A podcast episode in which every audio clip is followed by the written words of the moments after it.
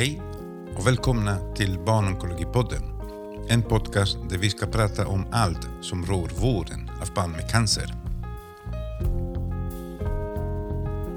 Den här podcast utgår från Barncancercentrum i Lund, en del av Skånes universitetssjukhuset. Och jag som pratar heter Manuel Ramos och jobbar som sjuksköterska där.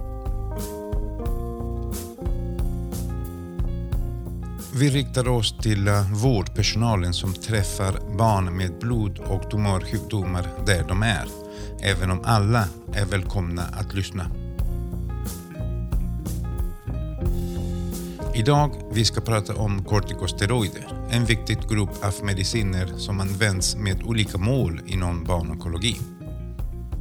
Men innan vi dyker i dagens ämne vill jag bjuda er att komma med kommentarer, frågor eller förslag.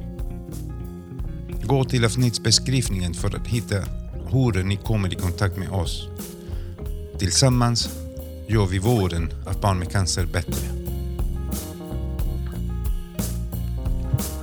Var välkomna till Barnonkologipodden.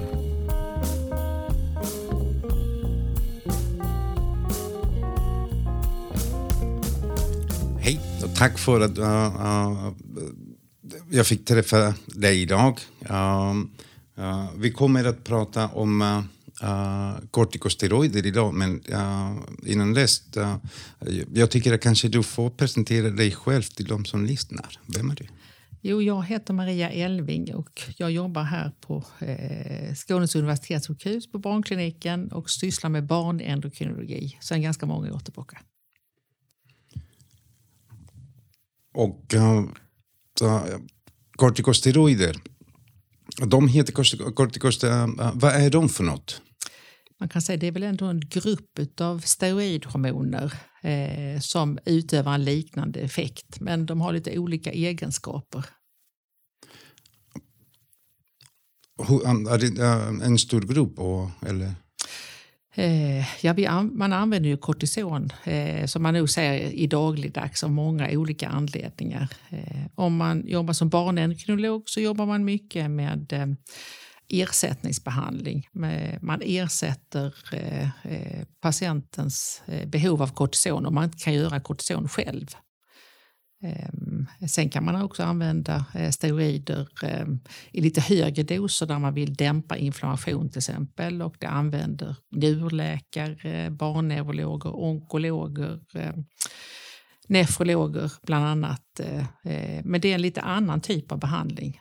Så man ska nog skilja upp det här med ersättningsbehandling och farmakologisk behandling i lite högre doser. Vad, uh, vad tillverkas uh, uh, kortikosteroider?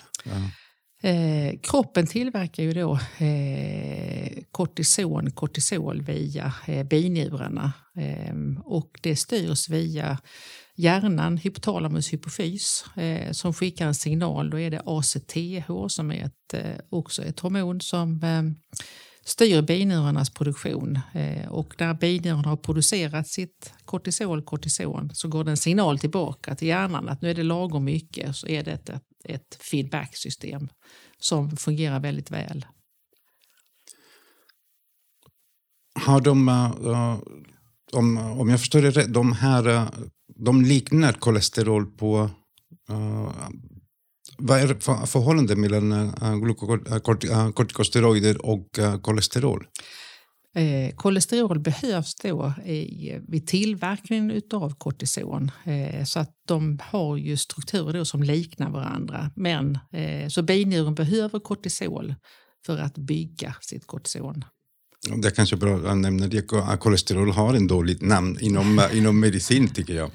Och anabola steroider, det är, in, är det ett annat grupp eller? Ja, det, det, är någonting helt annat för det är ju syntetiska steroider då som man ju använder för att få eh, olika typer av effekter. Men det är nog mer den eh, eh, Alltså anabola steroider tänker man, en uppbygglig effekt. Vanligt kortison fungerar inte riktigt på det sättet så att det är en helt annan grupp av ämnen.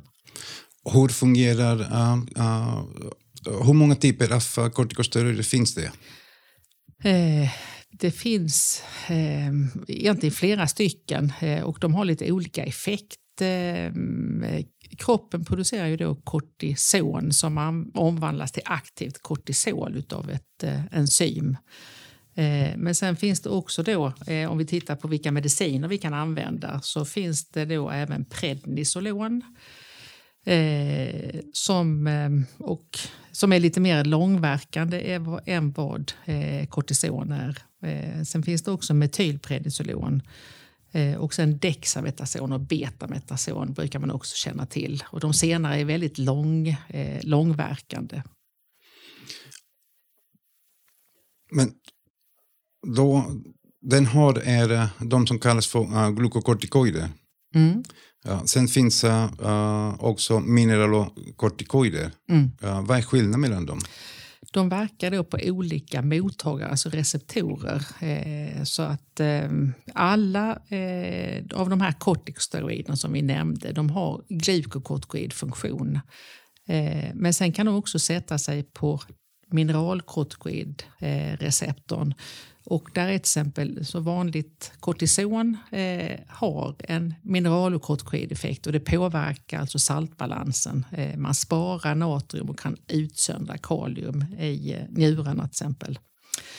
Eh, och det är vissa av eh, de andra, prednisolon har också lite sån här mineralokortikoideffekt, påverkar natrium kalium. Medan däremot betametason och dexametason och metylprednisolon har inte någon mineralokortikoideffekt. Eh, och den mineralokortikoida effekten har ju bland annat betydelse för vårt blodtryck. Eh, så att i binjurarna produceras det Eh, det hormon som mest sätter sig på den här mineralokortikoidreceptorn, det är aldosteron. Och kan inte binjurarna alls göra något av de här hormonerna så kan vi ersätta det och då ger vi något som heter fludrokortison eller en tablett som heter Florinef. Vet man hur uh, kortikosteroider uh, fungerar i kroppen? Uh, de har en väldigt bred användningsspektra, men vill man vad gör de verksam? Ja, det var en lite svårare fråga för jag tror de verkar på många olika sätt. Men det vi vet är att de går in i eh, cellkärnan och man vet också att de stabiliserar olika membraner i cellen. Eh, så att, eh, och jag tror att det är på så sätt de också verkar lite antiinflammatoriskt stabiliserande. De stabiliserar också ehm, till exempel blodtrycket, men det är nog mer den mineralokortikoida effekten. Ehm, men jag tror de påverkar också på något sätt eh, vår arvsmassa. Men ehm, jag kan inte riktigt i detalj redogöra för det. Då får jag läsa på lite mer. Jag vet att eh, de används som, eh, används som antiinflammatoriska. Så jag skulle tro att de, ja, alla, alla receptorer inom, inom inflammationskedja som är många och komplicerade ja, de kommer att ha effekt. Precis, men då är det då att man går upp i dos, att man ger liksom mer farmakologiska doser och kanske framförallt av de här eh, steroiderna som är då mer antiinflammatoriska som då prednisolon och dexametason, betametason och metylprednisolon. Men det var, det var intressant. Du sa att uh, beta, uh, betametason, dexametason och uh, metylprednisolon, de har uh, Uh, de påtagligt uh, eh, mineralokortikoid uh, eh, uh, effekt, alltså de uh, sparande av natrium och, uh, och vatten. Um, även med, med farmakolog farmakologiska doser. Nej, de har ingen då, man räknar inte med en mineralokortikoid effekt. Däremot om du ger till exempel hydrokortison, Solucotef, i lite högre doser som du ibland ger eh, när du vill ge stressdoser för att skydda patienten mot eh, om den ska opereras eller ha feber. Håller du på med höga doser under lång tid så kan du se att du faktiskt eh, lite stiger i natrium men framförallt att du sjunker i kalium. Du utsöndrar mer kalium i urinen. Nu när du går in uh, i, uh, i stress, jag har uh, kortisol på något sätt uh, och följaktligen uh, eh, glukokortikoider, det finns en förhållande med, med uh, stress och utsöndring av, uh, av uh, den naturliga uh, kortison. Men jag har aldrig fattat uh, ungefär, uh, är det mer stress, mer kortisol? Är det så det funkar? Eller?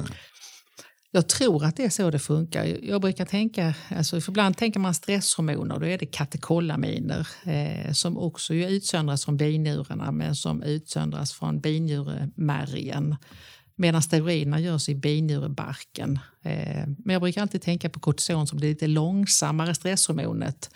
Eh, inte, därmed är det inte sagt att man eh, inte kan stiga snabbt i sina nivåer av kortison eh, om du blir stressad. Eh, men jag tror det har betydelse på lite längre tid när du är stressad. Eh, men det är verkligen ett hormon som behövs. Och, eh, eh man, det är kortisol kortison det är ett livsviktigt hormon så att saknar du detta och är, alltså, Eh, du saknar det överhuvudtaget och har alldeles för låga nivåer om du råkar ut för något svårt stresstillstånd så kan du faktiskt avlida av en kortisolsvikt.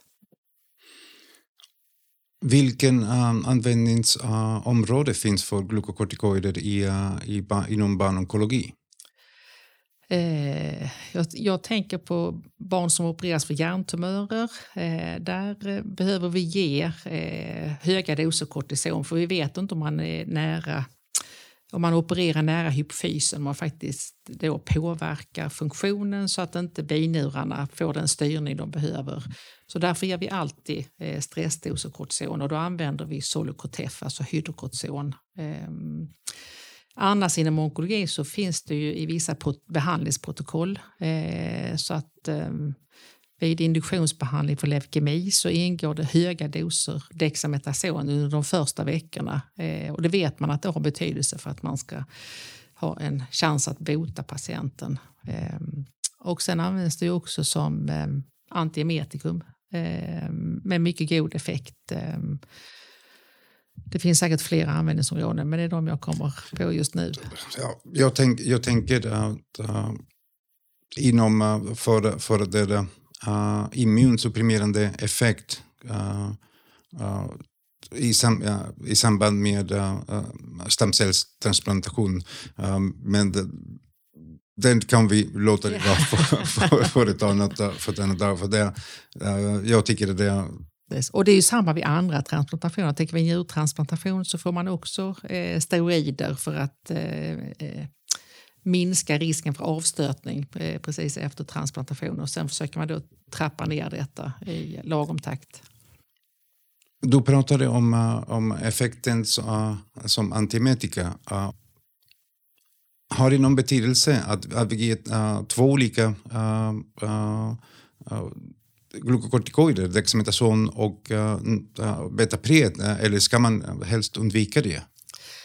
Jag tror att då används det så höga doser så om man lägger till lite till tror jag inte har någon betydelse för just detta med antiemetisk effekt. Eh, för att det som är viktigt då är nog att ingen av de steroiderna har någon glu eller har någon mineral och kortikoid effekt så att man får bekymmer med, med saltbalansen balansen av den anledningen. Vad händer i kroppen uh, och när man ger kortison uh, efter en, efter en, uh, kontinuerligt efter en viss period? Mm. Vi brukar tänka, använder man eh, förhållandevis höga kortisondoser, alltså över det som vi normalt själva producerar under ett dygn. Om man, har, om man ger en dos eh, över det i mer än kanske två veckor så tänker vi att då hinner binjurarna bli lite trötta och lite bekväma. Det är inte så att de minskar i storlek men eh, efter den tiden så kanske man inte ska sluta med kortisonbehandling tvärt utan mer tänka att då ska man ha ett nedtrappningsschema så att man minskar dosen successivt under eh, kanske eh, en till två veckor. Och man behöver säkert ta längre tid på sig Eh, ju längre tid man har fått eh, behandling. Eh, och så kanske man ska ändå kolla lite den egna binurfunktionen och mäta något morgonkortisolvärde och framförallt utvärdera hur patienten mår. Så att man inte riskerar att man har för låga kortisolvärden när man plötsligt slutar med kortisonbehandling. Hur, hur räknar ni? Är det individuella faktorer eller en viss tid, en viss dos? Eh, vi brukar alltid utgå från hydrokortison eh, och man tänker att i vanliga fall producerar vi nog under normala förhållanden ungefär 10 milligram per kvadratmeter per dygn. Eh, så vi räknar ju alltid steroiddoser utifrån eh, kroppsyta. Ehm, eh, så, att, ehm, så har man över det, då behöver man ändå mer än i två veckor. Eh, och så får man lite tänka de här olika översätta de här olika steroiderna för det finns lite omvandlingsfaktorer som man kan ha hjälp med. Då behöver du nu tänka nedtrappning eh, efter behandling mer än två veckor. De mest potenta, uh, det finns uh, motsvarighet i uh, hur starka de är, hur, hur mycket effekt de har i, i ja. kroppen. Ja. och hydrokortison som du säger, det, det är grunden, eller det är Uh, det jämför det, vi alltid med. Mötet. Mm. Uh, och sen de andra har olika... Uh, hur starka är de andra? Ja, då tänker man prednisolon, eh, det är kanske fyra gånger så potent eh, som eh, hydrokortison. Och Dexa och betametason ungefär 35 gånger så potent. Så man ska försöka översätta dosen och om man ska byta preparat så får man lite tänka i de banorna. 35, är det lite uh, för högt? Ja, det är betydligt mer potent steroid faktiskt. Jag, jag tänkte fråga om uh, efter induktionsbehandlingen, uh, ibland ger vi, uh, och du har redan varit inne lite på, på det, uh, vi ger en dos uh, Solucortef, alltså hydrokortison, inför operationer eller med feber uh, hur, varför behöver vi göra så? Eh, jo, då tänker vi att det är en stresssituation att bli sövd. Eh, och så vet vi kanske inte riktigt var i liksom nedtrappningen vi är. Eh, utan då för säkerhets skull ger vi lite extra eh, kortison inför sövning. Eh, och just hydrokortison är ganska kortverkande. Det tänker vi att det varar ungefär en dos, 6-8 timmar. Eh, så att den går ur kroppen ganska snabbt. Medan de andra steroiderna eh, är lite mer långverkande. Prednisolon säger man är lite medellångverkande medan dexametason och betametason och metylprednisolon det tillhör de långverkande. Så de, där sitter nog effekten i ett och ett halvt till tre dygn ungefär. Då får en, får en kort uh, stressmoment. Då såklart hydrokortison. Då är det perfekt att ge. Ja. Även med infektioner? Ja, och då brukar vi ofta... Eh, eller, fe, fe, ja, eller feber. feber och... ja, och att, att det är en stress. Eh, så då tänker vi...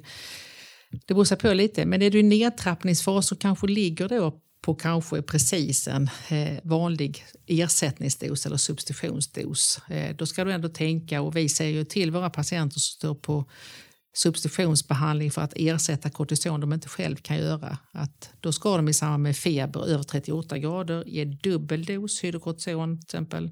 Och eh, om de har feber över 39 grader ge tre gånger den vanliga dosen hydrokortison och helst inte låta det gå mer än åtta timmar mellan doserna. Så då får man kanske ibland om de vaknar på natten stoppa in en extra dos. Det är kanske uh, inte speciellt uh, relevant uh, inom uh, uh, pediatrik och barnonkologi. Men uh, är det någonting som vi, ska tänka, vi kan tänka på med, med sambandet av glukokortikoider och graviditet? Ehm, det är, nu är inte jag vuxenläkare så att jag får lite reservera mig för detta men vi brukar räkna, vi får ibland bedöma de barn vars mammor har fått kortisonbehandling. Ehm, Eh, och då är det ändå att naturen har sett till att eh, eh, om man behandlas med till exempel hydrokortison eh, så finns det ett skyddande enzym i eh, eh, moderkakan, placenta, som lite oskadliggör de höga nivåerna och ser till att skydda fostret mot höga nivåer av eh, kortison. Eh, och samma gäller för prednisolon. Eh, medan däremot dexametason och betametason, det vet vi kan passera över eh, placenta till fostret. Eh, och då behöver vi vara mer uppmärksamma att barnet kan riskera en, en att påverkas eh, och också riskera en kortisolsvikt eh, när man föds.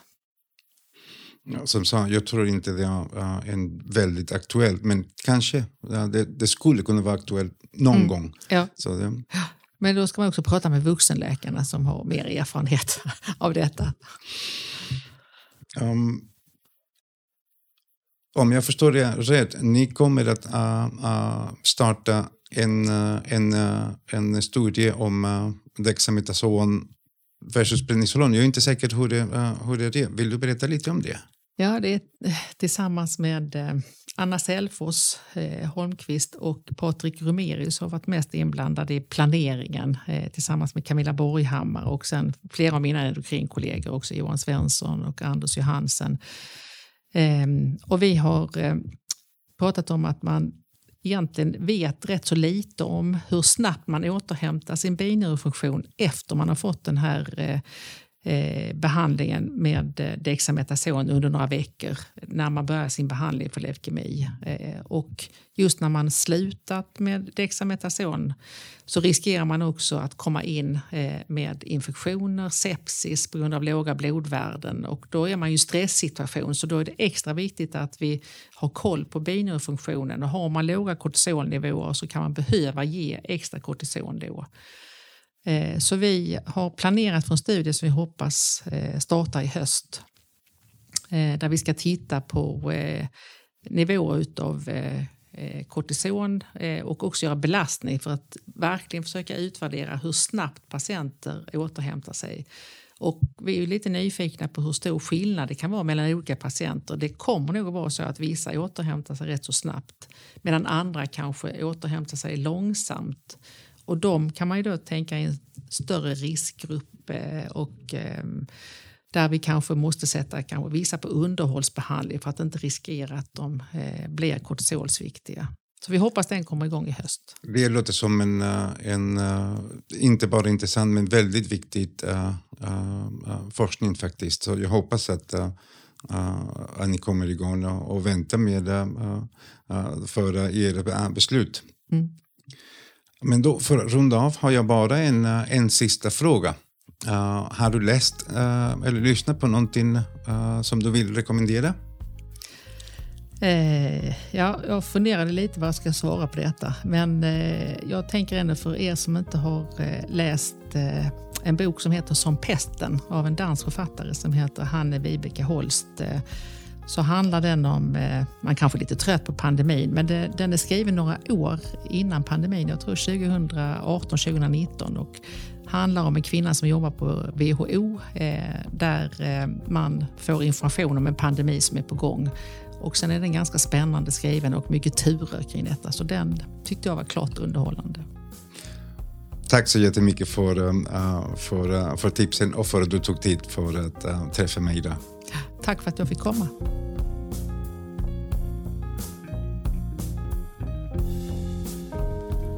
Ni har lyssnat till ett samtal eh, mellan mig och Maria Elvin, barnendokrinolog i eh, Skånes universitetssjukhuset, om ämnet kortikosteroider. Hoppas att ni har fått uh, lite nytta av det.